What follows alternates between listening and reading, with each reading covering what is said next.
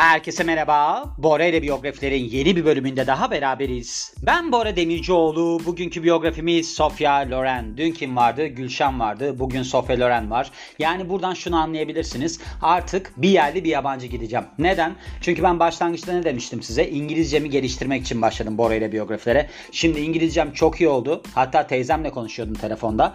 Dedi ki Bora dedi İngilizcen çok hızlı. Çünkü benim Bora ile filmler diye başka bir profilim var. Orada da böyle İngilizce konuştuğum şeyler var yani videolar. Orada onu dinlemiş. Dedi ki senin İngilizcen çok hızlı biraz yavaşlatman lazım dedi. Hatta ben ona böyle hararetle bir olay anlatıyordum. O hararetle anlattığım olayda da dedi ki senin dedi normal konuşma hızın zaten hızlı. İngilizcen dedi daha da hızlı. Ben dedim ki yani dedim Bora ile biyografilerde yaklaşık 500 520 bölüm falan yapınca insanın İngilizcesi hızlanıyor. Neden hızlanıyor? Çünkü aslında burada ben İngilizce okuyorum size Türkçe tercüme ederek çeviriyorum.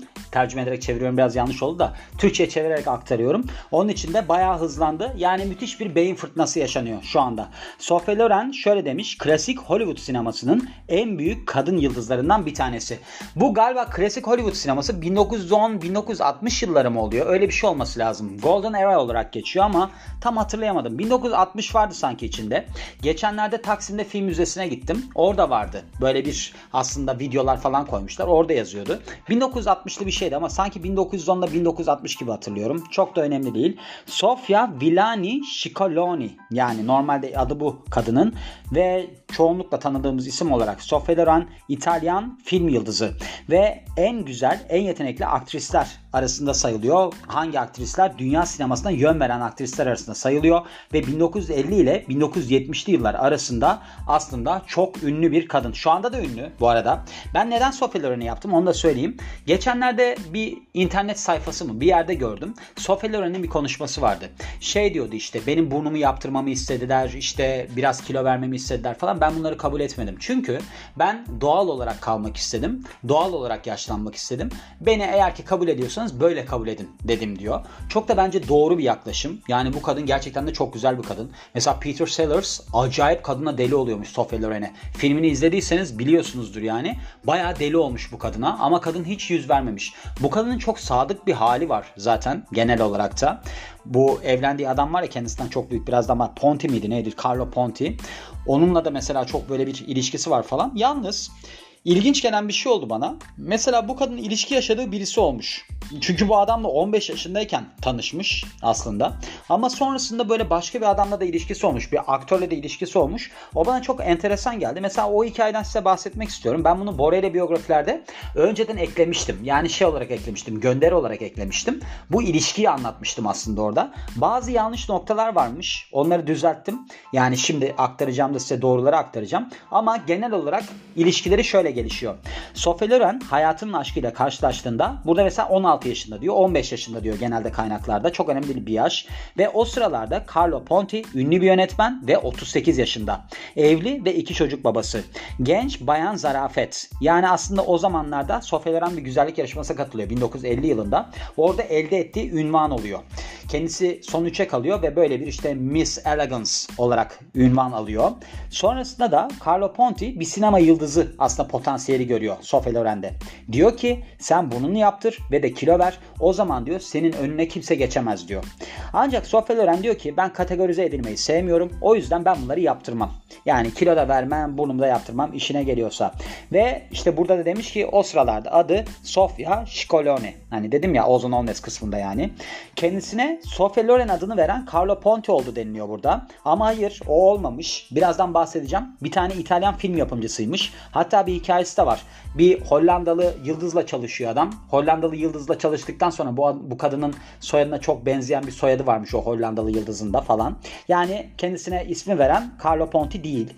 Ve işte Loren için görgü kuralları eğitmeni tutuyor Carlo Ponti. Güzel giyinmeyi, makyaj yapmayı ve hatta kalçasını kıvırtarak nasıl yürüyeceğini bu şekilde öğreniyor Sofya Loren. Bana çok ilginç geliyor bu durum. Yani mesela şey ben geçmişte bir televizyon kanalında sunuculuk yapardım.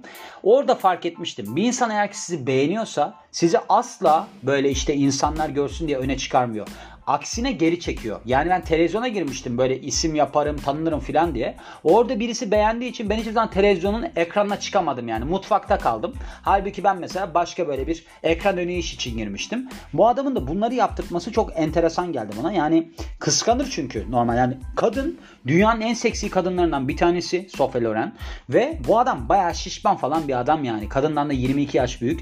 Ve kadın bu adam ölene kadar beraber olmuş onunla. Bir sürü çileler çekmişler. Yani yani böyle bir mesela İtalya'dan aslında sürgün yiyorlar böyle yaptıkları evlilik sebebiyle. Çünkü adam o sırada evli falan. Vatikan izin vermiyor.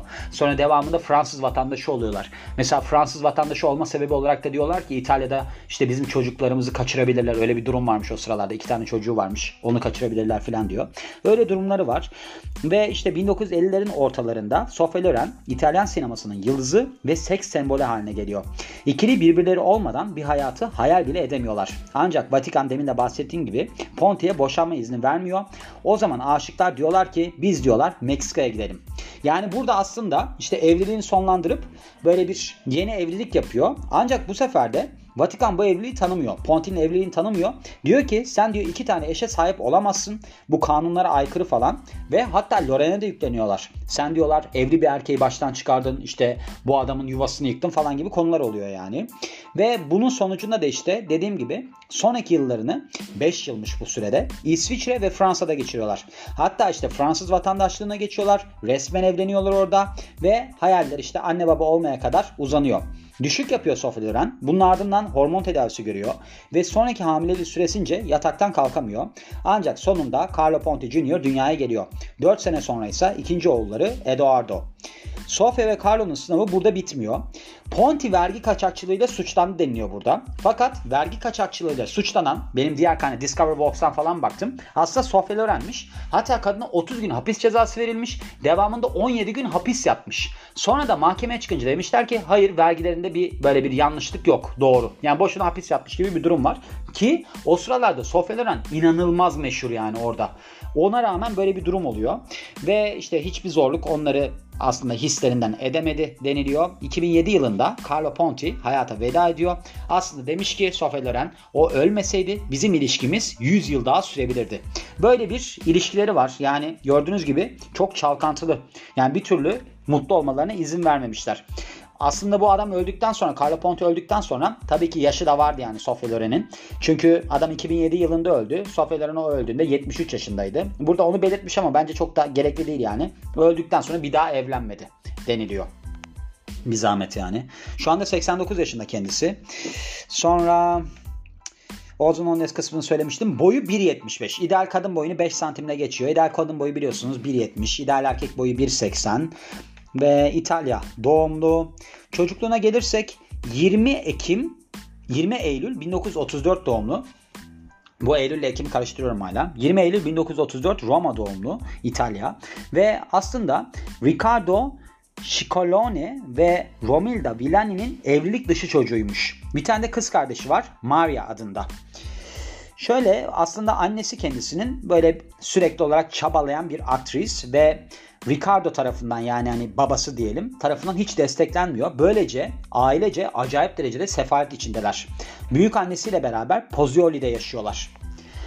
Sofya'ya 2. Dünya Savaşı sırasında bir şarampler isabet ediyor ve bunun sonucunda da aile taşınıyor. Yani buradan taşındıktan sonra şey yapıyorlar. Savaştan sonra dönüyorlar yaşadıkları yere işte faturalarını ödemek için annesi bir bar açıyor. Yani pub açıyor. Birhane diyelim. Orada piyano çalıyor.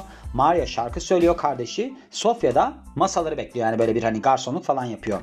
Ergenlik yıllarında demin de bahsetmiştim 1950 yılında güzellik yarışmasına katılıyor Miss Italia olarak ve finalistlerden biri oluyor. Yani ilk üçe kalmış aslında ve bunun sonucunda da işte oyunculuk dersleri almaya başlıyor ve de annesiyle beraber Roma'ya taşınıyorlar. Kariyerine gelirsek ilk rolü aslında 1951 yılında bir figüran olarak, ekstra olarak yani Koa Vadis'miş filmin adı ve bunun devamında da böyle şeye başlıyor işte dergilerde falan modellik yapmaya başlıyor ve İtalya'da tanınan bir isim oluyor. Şimdi bu noktada durayım. Çünkü bu noktadan sonra kendisiyle alakalı 10 enteresan gerçek kısmında bu hikayeden bahsediyor. Yani ilk filmi neymiş, hangi rolde oynamış filan. Onu da aktarmak istiyorum size. Evet burada şey diyor Golden Age of Hollywood diye bir şeyden bahsetmiştim mi? 1910 ile 1960 yıllar arasıydı galiba diye. Evet doğruymuş 1910 ile 1960 yıllar arasında. Birinci olarak burada kendisiyle ilgili 10 gerçekten bahsediyor. Birinci olarak güzellik yarışması sayesinde keşfedildi deniliyor. Ve şöyle başka bir şey var mı diye bakıyorum buna ek olarak. Başka bir şey yok. İlk film çıkışını 16 yaşındayken yapıyor. Quo Vadis 1951 yılında Mervyn LeRoy tarafından yönetilmiş ki bu film aslında aktör olarak Loren'in ilk çıkışı. Bununla beraber filmde adı geçmiyormuş. Yani böyle bir figüran olarak geçiyormuş. O sıralarda 16 yaşında. 1951 yılında Era Lucy diye bir filmde yer alıyor. Aslında burada da Sofia Lazaro ismiyle görünüyor. O sıralarda adı buymuş yani. Burada da filmde bir cariyeyi canlandırıyor. Ve aslında demiş ki burada siz demiş bu iki filmden hangisi ilk filmi karar verin. Yani bir tanesinde adı var, bir tanesinde adı yok. Bir tanesinde cariye oynuyor. Yani çoğunlukla çıplakmış filmde. Öyle bir şey varmış. O yüzden siz kararınızı verin demiş. Hani demin demiştim ya ben ismini değiştiren, isim fikrini veren aslında eşi değil diye, Ponti değil diye. Carlo Ponti'ydi değil mi? Adamın da adını karıştırmak istemem yani. Aslında ismini değiştirmesini tavsiye eden kişi Goffredo Lombardo. Bu adam İtalyan bir film yapımcısı ve diyor ki sen diyor o sıralar adı Sofia Scoloni. Sen diyor Sofia Scoloni adını Sofia Loren yap diyor. Ki bu adamla da 1953 yapımı film Afrika Under the Seas'te çalışıyorlar.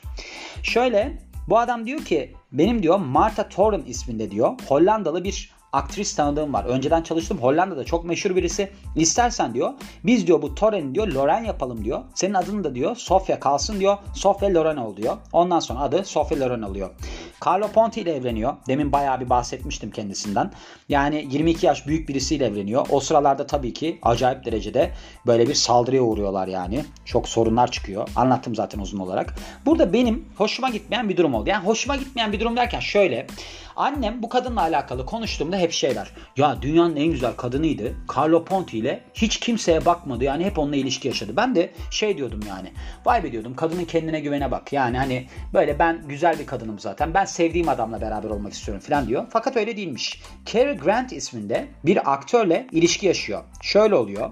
Houseboat adında bir komedi filmi varmış. Romantik komedi filmi. Bu adamla başrolü paylaşıyorlar. Hatta burada acayip durumlar var. Yani baktığımızda Şöyle 1957 yılında bir film var. The Pride and the Passion adında. Burada Sofia ile Cary Grant şeye başlıyorlar. Bir ilişkiye başlıyorlar. Sophie Loren'le beraber yani Cary Grant. O sıralarda da Betsy Drake ile evli Cary Grant denilen adam. Ve ardından da Houseboat 1958 yılındaki filmde başrolü üstleniyor ikili. Bu filmde o sıralarda bu aktörün yani Cary Grant'in eşi olan Betsy Drake tarafından yazılan senaryosu bir filmmiş ve demiş ki ben de demiş filmde bu ikiliyle beraber başrolü paylaşırım. Ancak bu ilişki yaşanıyor ya tabii ki bu adamın eşi senaryoyu yazan eşi diyor ki ben diyor bunu istemiyorum diyor böyle bu filmde yer almak istemiyorum diyor. Adam da diyor ki sen diyor o zaman senin oynayacağın karakteri sil onun yerine biz ikimiz Loren'le başrol oynayalım. Sonrasında diyor ki Betsy Drake ben diyor filmde yer almak istemiyorum. Filmin yapımında bulunmak istemiyorum. Onun için diyor beni çıkarın diyor. Ve sonrasında da işte aslında bu ilişki bittiğinde yani Houseboat filmi bittiğinde şey diyor adam biz diyor gel diyor seninle beraber ilişki yaşayalım, ilişkiye devam edelim. Ben hani devam etmek istiyorum bu ilişkiye diyor. Ancak Sofia Loren diyor ki ben Carlo Ponti ile evlenmeye karar verdim. Ondan sonra evleniyorlar. 76 tane adult web sitesine yani yetişkinlere yönelik porno sitesine diyelim 99 yılında dava açıyor. Şöyle diyor ki porno sitelerine çekmek için webde dolaşan kişileri benim fotoğraflarımı kullandılar. Ben bunun sonucunda utandım. Kendimi küçük düşürülmüş hissettim. Depresyona girdim ve de strese girdim. Şok yaşadım falan diyor. Onun için dava açmış yani bu sitelere. 1982 yılında hapse atılıyor. Bundan bahsetmiştim. Vergide böyle bir sahtecilik sebebiyle 30 günlük hapis cezası alıyor. Ancak 17 gün sonra çıkarılıyor. Yani şu 1974 yılından beri vergide sahtecilik yaptığı söylenmiş Sophie Loren'in. Carlo Ponti değil yani burada bahsettiği.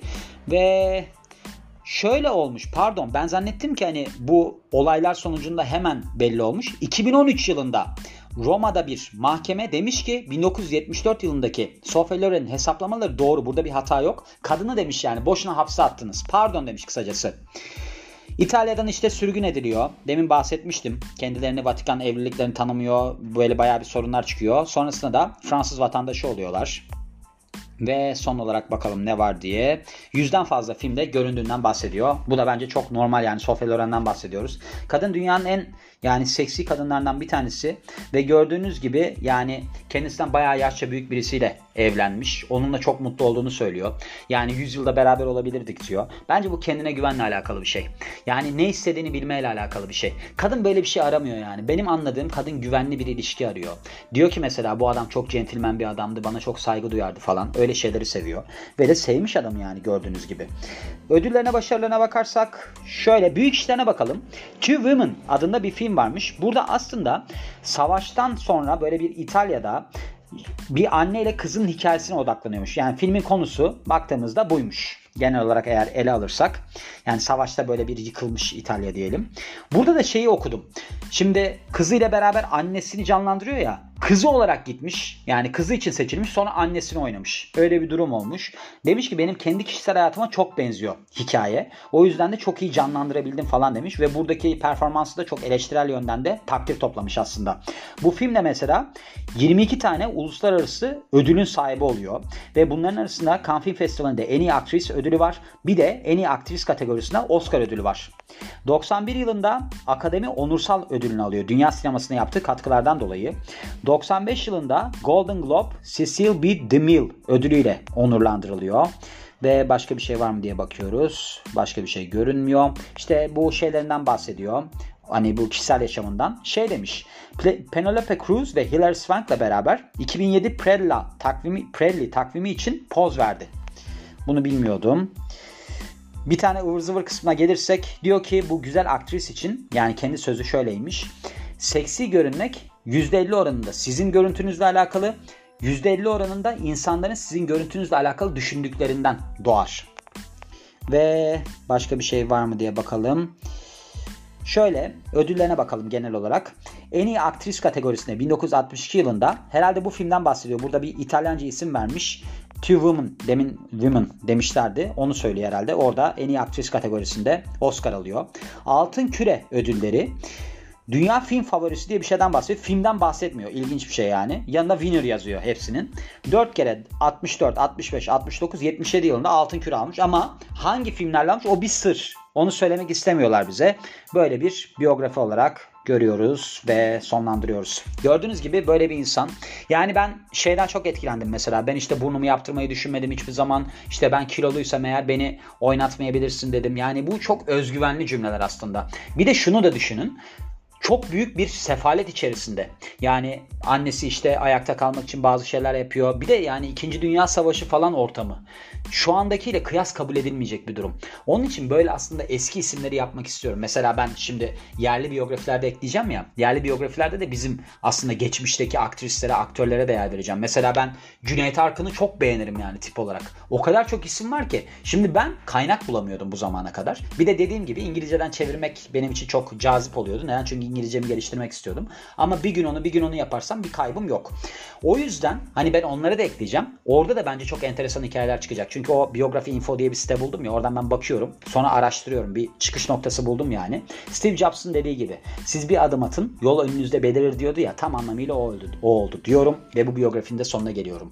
Beni dinlediğiniz için çok teşekkür ederim. Ben Bora Demircioğlu. Yeni biyografide görüşmek üzere. Hoşçakalın.